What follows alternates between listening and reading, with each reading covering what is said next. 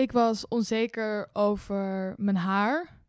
Uh, ik heb een hele grote bos krullen en ik had vooral vriendinnen die gewoon stijl of blond haar hadden.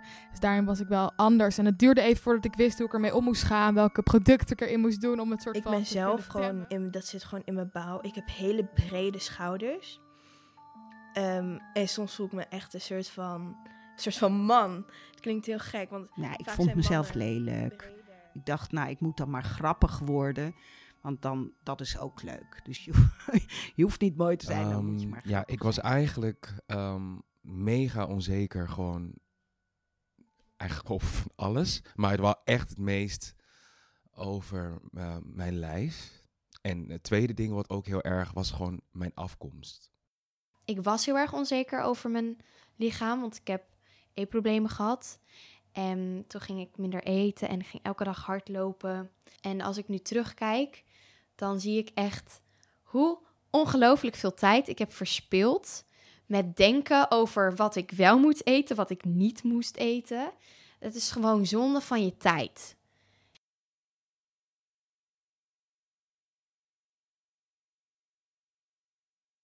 Je zit op de fiets of je bent lopend, misschien zit je in de bus of in de trein. Je bent in ieder geval onderweg naar de voorstelling Cinderella van Night en Maas Theater en Dans. In deze inleiding voor Onderweg podcast vertellen we je alvast wat je kan verwachten van dit sprookje en coming-of-age verhaal in één. We stellen je voor aan een aantal van de makers en de spelers en we vertellen je wat over de ontwikkeling van pubers en hun zelfbeeld. Ja, theater maken voor jongeren uh, is echt een heel erg uh, uitnodigend gebied, omdat het zo gaat over die uh, bewegelijke fase. Ik hou gewoon heel erg van een, in transitie zijn, zeg maar, of in verandering. En, en daar zitten we nu als samenleving natuurlijk ook keihard in. En ik denk eigenlijk dat we maar beter daaraan gewend moeten raken. En, en deze leeftijd heeft dat zo in zich. Dat je, dat je, ja, dat maakt mij altijd weer nieuwsgierig naar wat, wat staat er nu weer te veranderen. Ik ben uh, Monique Merks en uh, regisseur van Cinderella.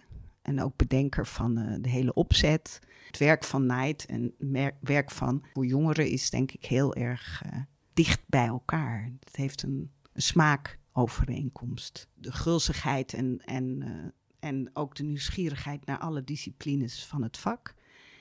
En ik denk, uh, de, de kern is toch ook uh, de lichamelijkheid, de ervaring van het, uh, nou ja, van, van het lichaam. En natuurlijk gebruiken we ook taal, ook bij Maas. Maar het, we zijn nooit talking heads. We zijn ook altijd nou ja, aan het proberen het lichaam het meeste te laten vertellen. En als je dan naar Cinderella kijkt, dan is dat heel goed gelukt. Want er is heel weinig taal, relatief weinig taal. En af en toe een beetje taal uh, van de performers. Dus we hebben Italiaans en we hebben natuurlijk uh, Australisch en we hebben een beetje Frans. Dus de mix van uh, waar de mensen vandaan komen ga je horen. Maar in principe moet het lichaam en de muziek en de beelden moeten het verhaal gaan vertellen. Nou, de kern van het verhaal is, is denk ik voor mij in ieder geval het assenpoestergevoel. Het gevoel dat je er niet bij hoort, dat je lelijk bent, dat je een verschoppeling bent. Uh, dat je, nou ja, niet past binnen de groep waar je geboren bent of waar je rondloopt. En dat gevoel kent volgens mij iedereen. Volgens mij is dat niet alleen zo voor jonge mensen. Het feit dat je uh, af en toe je buiten de groep voelt staan, daar daar willen we mensen misschien ook wel juist uh, kracht in geven. Dat je gewoon denkt, het is oké om anders te zijn en daar ook jezelf in te onderzoeken. En wat ik verder ook heel belangrijk vind, is dat je je identiteit niet te veel fixeert. Dus dat je niet zegt, zo ben ik en zo zal ik de rest van mijn leven zijn, maar dat je doorbeweegt en blijft bewegen en veranderen. De basis van de voorstelling is eigenlijk je een verschoppeling voelen. Dus je het assenpoestergevoel. En, en dat is wat wij als performers uh, voortdurend tonen. Dus je, je voelt je beoordeeld, je voelt je, uh, nou, laten we zeggen, niet uh, gezien voor wat je zou kunnen zijn. En, en dat gaat bijvoorbeeld in dit geval ook heel erg over hoe je eruit ziet. Dus het, een deel van, eh, van je ongemakkelijk voelen kan ook zijn dat je je te dik voelt of te dun of lelijk of pukkels hebt. Of, en een deel daarvan kan, uh, kan je zelf zo gek maken dat je denkt ik wil er anders uitzien dan ik eruit zie. En dus we focussen vooral ook op dat fysieke ongemak. Wat zegt de wetenschap eigenlijk over het puberbrein en onzekerheid? En over die tegengestelde neiging om jezelf te willen zijn en tegelijkertijd bij de groep te willen horen. Daarvoor bellen we met onderzoeker Renske van der Kruisen. Zij doet onderzoek naar jongeren en hun zelfbeeld. Ik, uh, ik ben Renske van der Kruisen. Ik ben postdoctoraal onderzoeker in het SYNCLAB op de Erasmus Universiteit in Rotterdam. Uh, en daar doe ik uh, eigenlijk voornamelijk onderzoek naar de ontwikkeling van het zelfbeeld van jongeren, zo tussen de 10 en 24 jaar oud. Um, ja, veel jongeren zijn inderdaad onzeker, of onzeker over zichzelf. dat was ik zelf ook op de middelbare school. Um, en ik denk in eerste instantie dat het ook wel te maken kan hebben met dat je nog bezig bent met jezelf goed te leren kennen. je hebt vaak een soort van ideaalbeeld van hoe je zou willen zijn, of hoe je vindt dat je zou moeten zijn. En uh, ja, tieners komen er misschien wel achter dat ze niet helemaal aan hun eigen ideaalbeeld voldoen. En daar kan je natuurlijk onzeker voor worden, van worden. Maar het heeft misschien ook wel te maken met dat die leeftijdsgenoten zo, um, zo belangrijk zijn. Hè? Dat je graag erbij wil horen. Um, we zien ook um, in de hersenen terug dat uh, bepaalde activatie in de prefrontale cortex, dat is helemaal vooraan in je brein, uh, dat de activatie in dat gebied juist uh, in de tienerjaren extra actief is als je je bekeken voelt. Dus dat je toch een beetje ja, self-conscious of, of zelfbewust voelt.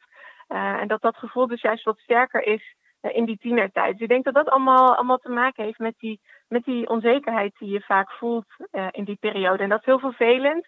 Um, maar ja, ja, het hoort er wel een beetje bij. Ja, kijk, het, klinkt inderdaad heel tegenstrijdig, maar eigenlijk zijn uh, zelf en ander, die, die liggen eigenlijk heel erg dicht bij elkaar. En, en, en juist eigenlijk in de, in de uh, periode van, van de puberteit en de adolescentie. Dus aan de ene kant is het voor jongeren heel erg belangrijk om, ja, om erachter te komen wie ze zelf echt zijn. Zodat je ook keuzes kan maken die bij je passen, bijvoorbeeld voor een studie of een baan. Um, maar, maar je zelfbeeld, dus jezelf goed leren kennen, dat is ook iets wat zich ontwikkelt juist in interactie met anderen. Dus ja, je leert jezelf alleen maar kennen, of in ieder geval alleen maar, maar uh, een belangrijke rol daarin speelt ook hoe anderen op je reageren of wat voor feedback je krijgt uit je omgeving. Um, en zoals ik net al zei, juist die mening van anderen en leeftijdsgenoten is extra belangrijk uh, in, in die periode. Dus um, ja, jongeren zijn gewoon heel erg sociaal gemotiveerd en, en hebben daardoor dus ook die grote drive om erbij te horen. Dus het gaat inderdaad gewoon een beetje samen op. Hè? Jezelf willen leren kennen, maar ook graag bij die groep willen horen. En dat sluit ook weer een beetje aan bij wat ik daarnet zei over de hersenen. Dus dat die prefrontale cortex zo extra actief is. Als je denkt dat andere mensen naar je kijken. Um, ja, misschien dat je, dat je juist wel zo gericht bent op, uh, op anderen in je omgeving. Omdat je zo met jezelf bezig bent of andersom. Het is gewoon, het is helemaal intertwined met elkaar. Uh, het is helemaal met elkaar verweven. Voor mij is de kern van het stuk Cinderella een, uh, je ziet een coming-of-age verhaal van zes performers. Um, en daarbij zijn er ook nog uh, co-spelers die ook meedoen. En, maar het gaat er vooral over die zes performers die, ja, dus je ziet ze langzaam opgroeien. En je ziet hoe ze dus door puberteit heen gaan en zichzelf ontdekken. En de problemen die ook met puber zijn, komen. En het heeft een focus op eigenlijk de onzekerheden die je als puber hebt over je lijf. En natuurlijk vooral in die periode waarin dat lijf ook heel erg verandert en dat je borsten krijgt of inderdaad je, ja, dat lichaam verandert gewoon. Uh, ja, komen er natuurlijk ook heel veel onzekerheden bij kijken en daar gaat het eigenlijk over. Ik ben Bodine Sutorius, ik ben 23 jaar en uh, in het stuk Cinderella speel ik eigenlijk mezelf. Want de voorstelling put heel erg uit ons eigen leven. Um, ja, wat ik probeer te doen is uh, zeg maar de universele onderlaag van dat gevoel te raken. Dus ik, ik heb ook alle spelers bevraagd op. Hè, het zijn natuurlijk geen, jonge, geen, geen pubers meer, maar hoe, hoe zat dat bij jou en herken je daar nog iets in? En dan, eh, en dan probeer ik daar eh, fysiek materiaal voor eh, uit te denken, samen met de performers. Dus we hebben bijvoorbeeld een schaamtedans. En, en dat gaat ook letterlijk over welk deel van je lichaam schaam je je voor. Ik zie ook wel in de voorstelling dat het ook gaat over dat iedereen groeit anders op bij ons alle zes, zie je dan verschillende momenten van uitbloeien en, uh, en hoe iedereen zeg maar, de puber, puberteit meemaakt. Allemaal zo anders. Dus dat is denk ik ook fijn uh, als, uh, voor de kijkers om, om te zien van, ah ja, weet je, het, het, gaat allemaal op zijn eigen manier. Iedereen heeft zijn eigen achtergrond.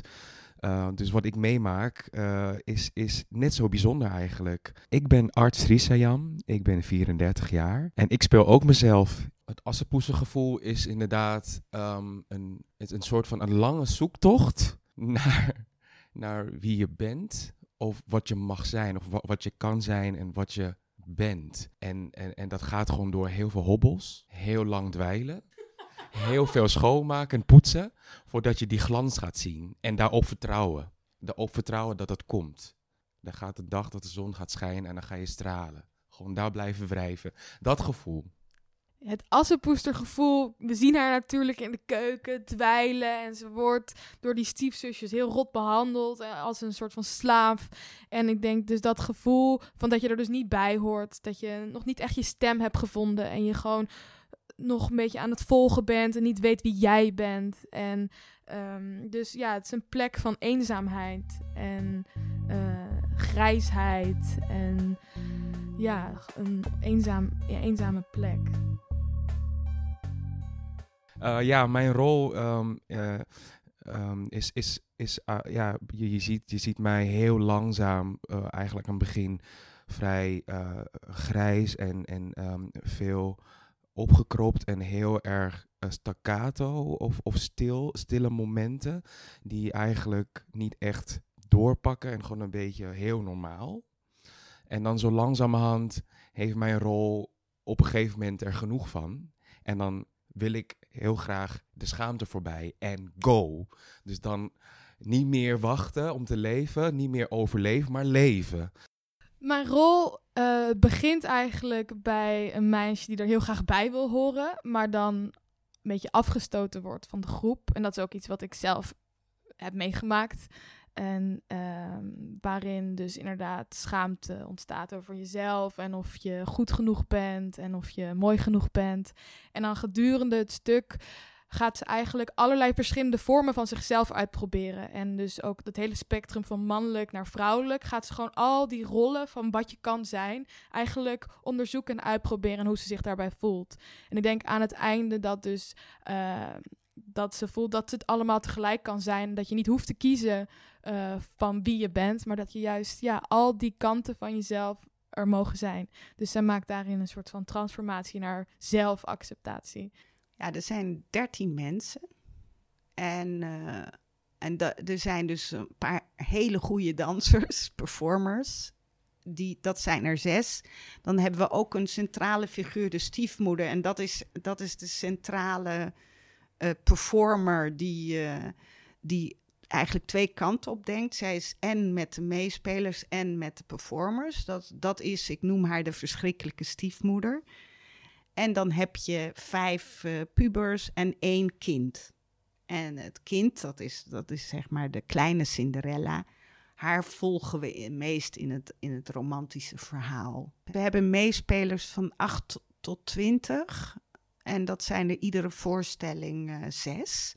En die, die mensen die, uh, die vertellen als een soort stripverhaal het Assenpoester gegeven onze connectie op het podium is denk ik dat de co-players spelen veel meer het chronologische verhaal van Assepoester, hoe we dat kennen. Bijna als een prentenboek. Het is best wel plat, gewoon in beelden dat verhaal weergeven. En wij als spelers, en wij zijn eigenlijk allemaal de Cinderella, komen daar doorheen en wij brengen veel meer de, ja, de kleur en een performatieve, uh, iets rauwere kwaliteit. En, en zijn eigenlijk het, meer het emotionele leven van wat die Cinderella doormaakt. Dus daarin contrasteren we elkaar eigenlijk heel erg. En ik denk dat dat, dat een heel spannend effect kan geven. Hoi, ik ben Oesé. Ik ben 13 jaar en ik ben een van de meespelers. Ik speel onder andere een lakai. Ehm, ik speel ook een stiefzus en mezelf. De voorstelling Cinderella gaat voor mij over ehm, vooral onzeker zijn in je lichaam. En wat je allemaal meemaakt als tiener.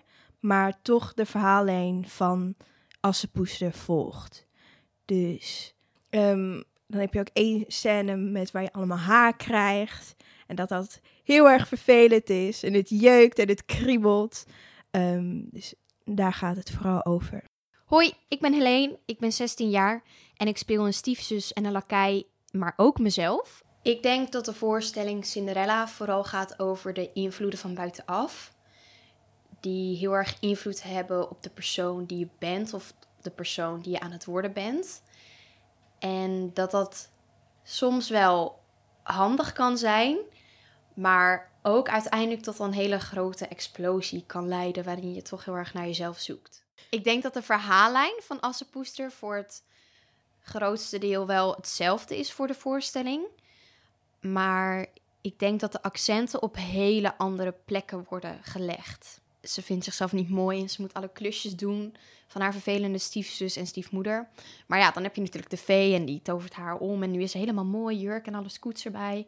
En dat is zo in het standaard Assepoester sprookje. Maar ik denk dat dat in deze voorstelling, dat is niet de boodschap van deze voorstelling. Ik denk dat de boodschap van deze voorstelling juist is dat je ook mooi kan zijn als assenpoester zonder die jurk, maar ook gewoon met een schortje aan. Wat ik ook wel denk, wat ze bedoelen met het aspoester gevoel. Want ik denk van buitenaf, dus hoe iedereen jou ziet, is het gewoon je bent mooi op je eigen manier. Overal, weet je. Ook uh, wanneer je naakt bent. Zo. En maar voor jezelf is dat denk ik wel heel anders. Omdat ik voel me echt heel mooi als mijn haar mooi zit, make-up, leuke kleding aan. Dan denk ik dat dat is voor mij het gevoel. Maar dat kan natuurlijk ook anders zijn voor andere mensen en hoe mensen jou zien. En, en dat met, met um, uh, die balans tussen um, um, dus jezelf willen zijn en erbij willen horen. Uh, ja, soms doe je misschien in, in dat proces wel dingen die helemaal niet bij je passen. Maar uh, ja, is dat heel erg? Want ook daar denk ik, leer je weer van. Als je achteraf merkt van, oh, ik voelde me daar echt niet goed bij. Of ik werd daar echt niet blij van, van dat ik dat heb gedaan. Dan leer je ook weer gewoon over wie je zelf echt bent. En ik denk dat als jij uiteindelijk ja, een goed beeld hebt van jezelf en weet wie je bent en wat je belangrijk vindt, dat je dan uh, ook minder snel je gedrag laat beïnvloeden door, door wat anderen willen. En misschien zelfs dat je ook wel jezelf omringt met mensen waarvoor je je gedrag niet aan hoeft te passen om erbij te horen. Dus ik denk dat dat allemaal, uh, ja, allemaal een beetje een proces is waar, uh, waar iedereen doorheen gaat. Ik, in die tijd um, ontdekte ik dat ik uh, homoseksueel was, ben. En um, ik had eigenlijk niet echt iemand waar ik naar op kon kijken. Behalve dat ik wist dat ik een oom had die, die ook homoseksueel was. Dus ik, ik dacht er heel veel bij na van hoe is het eigenlijk om homoseksueel te zijn. En, um, en, en, en ik, ik, ik ging, ik, ik, ik, vertrouwde daar gewoon in dat wat ik daarin binnen voelde, dat dat eruit moest komen. Terwijl eigenlijk ik ook voel, precies wat jij, wat jij net zegt, Boedien, over dat normale. Of dat bepaalde norm van, oh, uh, uh, als je jongen bent, dan doe je dat soort dingen niet. Ga je, ga je niet dansen of ga je niet jezelf uh, een beetje wat vrouwelijker aankleden. En ik ging dat toch proberen. Dus, dus daarin, daarin vertrouwde ik ontzettend mezelf dat, dat, dat het klopt. Maar ik voelde ook dat het dat dat heel veel um, narigheid meebracht. Ja, ben ik maar normaal? Vragen jongeren zich vaak af.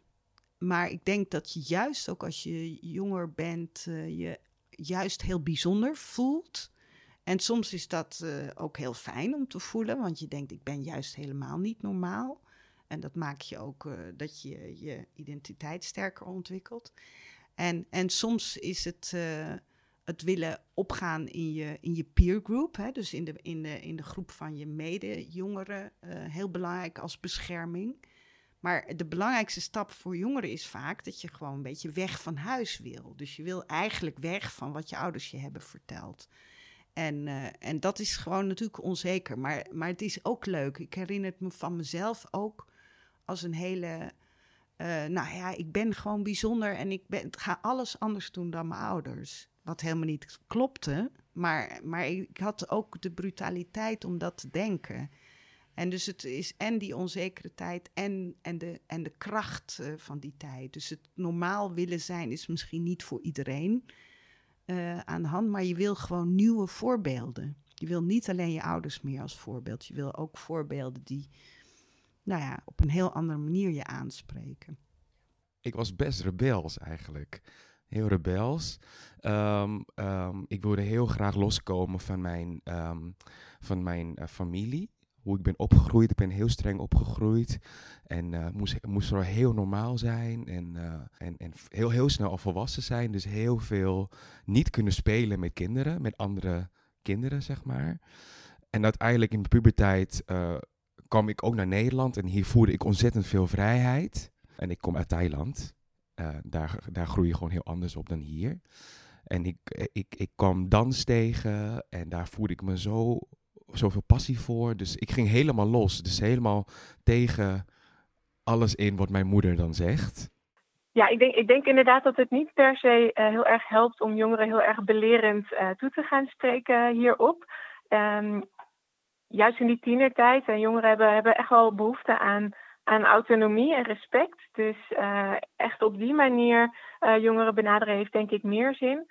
Eh, je kan natuurlijk altijd een, een soort van open gesprek voeren of eens een open vraag stellen wanneer je misschien ziet dat, dat iemand iets gedaan heeft waarvan je denkt, dit past echt niet bij jou. Je kan altijd eens vragen van, goh, wat vond je daar dan van? Of ja. En jongeren komen er echt uiteindelijk wel achter wat wel en niet bij ze past. Misschien wel juist op die manier. Eh, dus ik zou, ja, ik zou zeggen, houd, eh, houd het gesprek een beetje open en luchtig. En eh, ja, houd jongeren ook vooral in hun waarden. Want jongeren kunnen heel goed over zichzelf nadenken en echt wel reflecteren op hun eigen gedrag. Zeker ook als je daar gewoon eens een keertje naar, op een open manier naar vraagt. Jezelf zijn is gewoon lastig, omdat je krijgt heel veel meningen van buitenaf. Dus er zijn mensen die zeggen, oh, homo zijn is niet oké. Ehm, nee, je bent veel te dik, je bent veel te dun. Dus het is heel lastig, omdat je heel veel verschillende invloed krijgt. Van bijvoorbeeld je ouders, van vrienden of vriendinnen. Social media speelt een hele belangrijke rol daarin. Ik denk dat dat soms dat je dat dat je tegenhoudt van het proces om jezelf te vinden. Ja, dat is hem. Ja. Ik vergelijk mezelf, ik zou niet zeggen heel vaak, maar onbewust of bewust, ik vergelijk mezelf wel met andere mensen.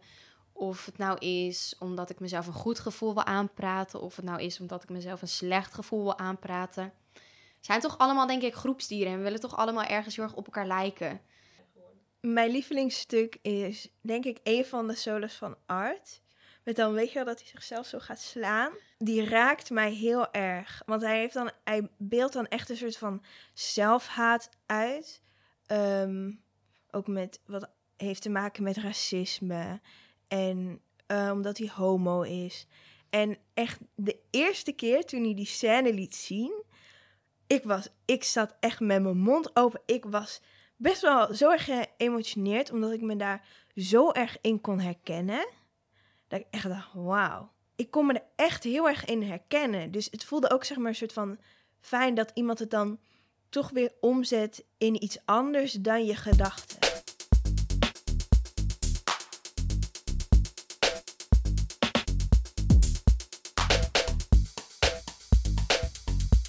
Ja, dat, dat het lichaam belangrijk is, is natuurlijk je eerste indruk. Het lichaam is, eh, is je visitekaartje en ook daar waar je het meest onzeker over kan voelen. En zeker als je jong bent. Maar eigenlijk altijd, als je oud bent, ben je ook onzeker over je lichaam. Eh, maar maar het, het, het lichaam is, eh, nou ja, wil ik zeggen, liegt niet. daar kan je zoveel aan zien. Dus het lichaam eh, kan vaak ook heel veel zeggen zonder taal. Dus je kan vaak ook meer zien in wat mensen niet zeggen dan wat ze, of tussen de woorden zeggen dan, dan wat de taal zegt. Taal is in die zin, ja, we doen nu een podcast, maar taal is natuurlijk ook, eh, kan soms verhullend zijn. En het lichaam is, is gewoon een beetje kaler. En ik vind het een, eh, ja, een heel belangrijk instrument in, in het eh, laten zien wie je bent. En natuurlijk kan je ook altijd weer bedenken dat het lichaam iets anders, soms iets anders van binnen voelt dan van buiten. En ik vind dat heel veel aandacht aan de buitenkant wordt eh, besteed tegenwoordig. En ik hoop eigenlijk dat de voorstelling ook uitnodigt om iets meer aan de binnenkant te, aandacht te besteden. Ik denk dat Monique he- heeft gekozen om hier vorm aan te geven door middel van zes hele fysieke performers te kiezen. En is het dus ook, ja, het zit ook wel, het is best wel een dansvoorstelling eigenlijk. En ehm, ik denk dus dat om die onzekerheid over dat lijf, om dat te vertellen, of dat gevoel wat dat geeft, die onzekerheid, om dat te vertalen in dus dansante lichamen die dat, ja, die emotionaliteit van die onzekerheid kunnen belichamen. Ik denk dat dat, dat, dat eh, vandaar ook een keuze van haar is geweest. ik denk ook dat Monique daarin ontzettend wilt zeggen dat ehm, eh, ze heeft heel vaak over klungelen. Dat je eigenlijk niet perfect bent. En dat zie je ook in de voorstelling. Maar ze wil eigenlijk ook ermee zeggen dat je, je moet er gewoon mee dansen. Dat je gewoon niet perfect bent en dat is helemaal oké. Iedereen groeit anders op. Vertrouw er maar gewoon op dat het goed zit. En ga er gewoon mee dansen. Dans gewoon mee. Is gewoon lekker. Wees lekker jezelf. Klinkt heel stom en zullig misschien. maar je ziet dat in de voorstelling dat eigenlijk alle spelers al die obstakels overwinnen totdat het op het einde zo'n grote explosie wordt. Maar dan zijn ze wel zichzelf. Ja, als je, als je tiener bent en je voelt je assenpoester, dan, dan voel je je natuurlijk vaak heel zielig en eh, aan het fornuis. Maar, maar je kan je ook heel bijzonder voelen. Hè? Want zeker na het bal, als assenpoester terugkomt thuis, dan moet ze nog steeds aan het fornuis zitten. Maar ze is tegelijkertijd heeft ze een ontmoeting gehad met iemand, de prins of met wie dan ook. Maar ze heeft, ze heeft iets meegemaakt in haar leven waardoor ze zich heel bijzonder voelt. Dus het assenpoestergevoel gaat over je, je zielig en alleen voelen. Maar het kan ook gaan over je bijzonder en tot iets groters voorbestemd voelen. Dus, dus je, je gevoel van, misschien ben ik wel een prinses in het diepst van mijn gedachten. Of een prins of iets bijzonders. En, en dat is natuurlijk het interessante voor, voor, van het verhaal ook. Dat je dat ook, uh, dat assenpoester dat ook in zich heeft. Dus het gaat niet letterlijk over, oh, als ik maar zo snel mogelijk trouw. Maar het gaat echt over waar zitten ook uh, mijn innerlijke prins of prinses.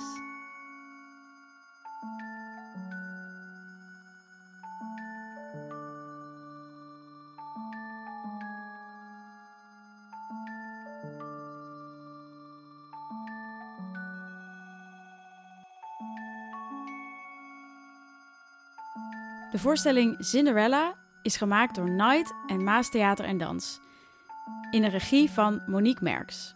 Voor de complete speellijst kun je het beste naar night.nl slash Cinderella. Heb je nog een vraag voor een van de spelers of de regisseur? Of wil je laten weten wat je van de voorstelling vond? Stuur ons dan een mail via info@night.nl. Of laat iets achter op onze Instagram, Twitter of Facebook.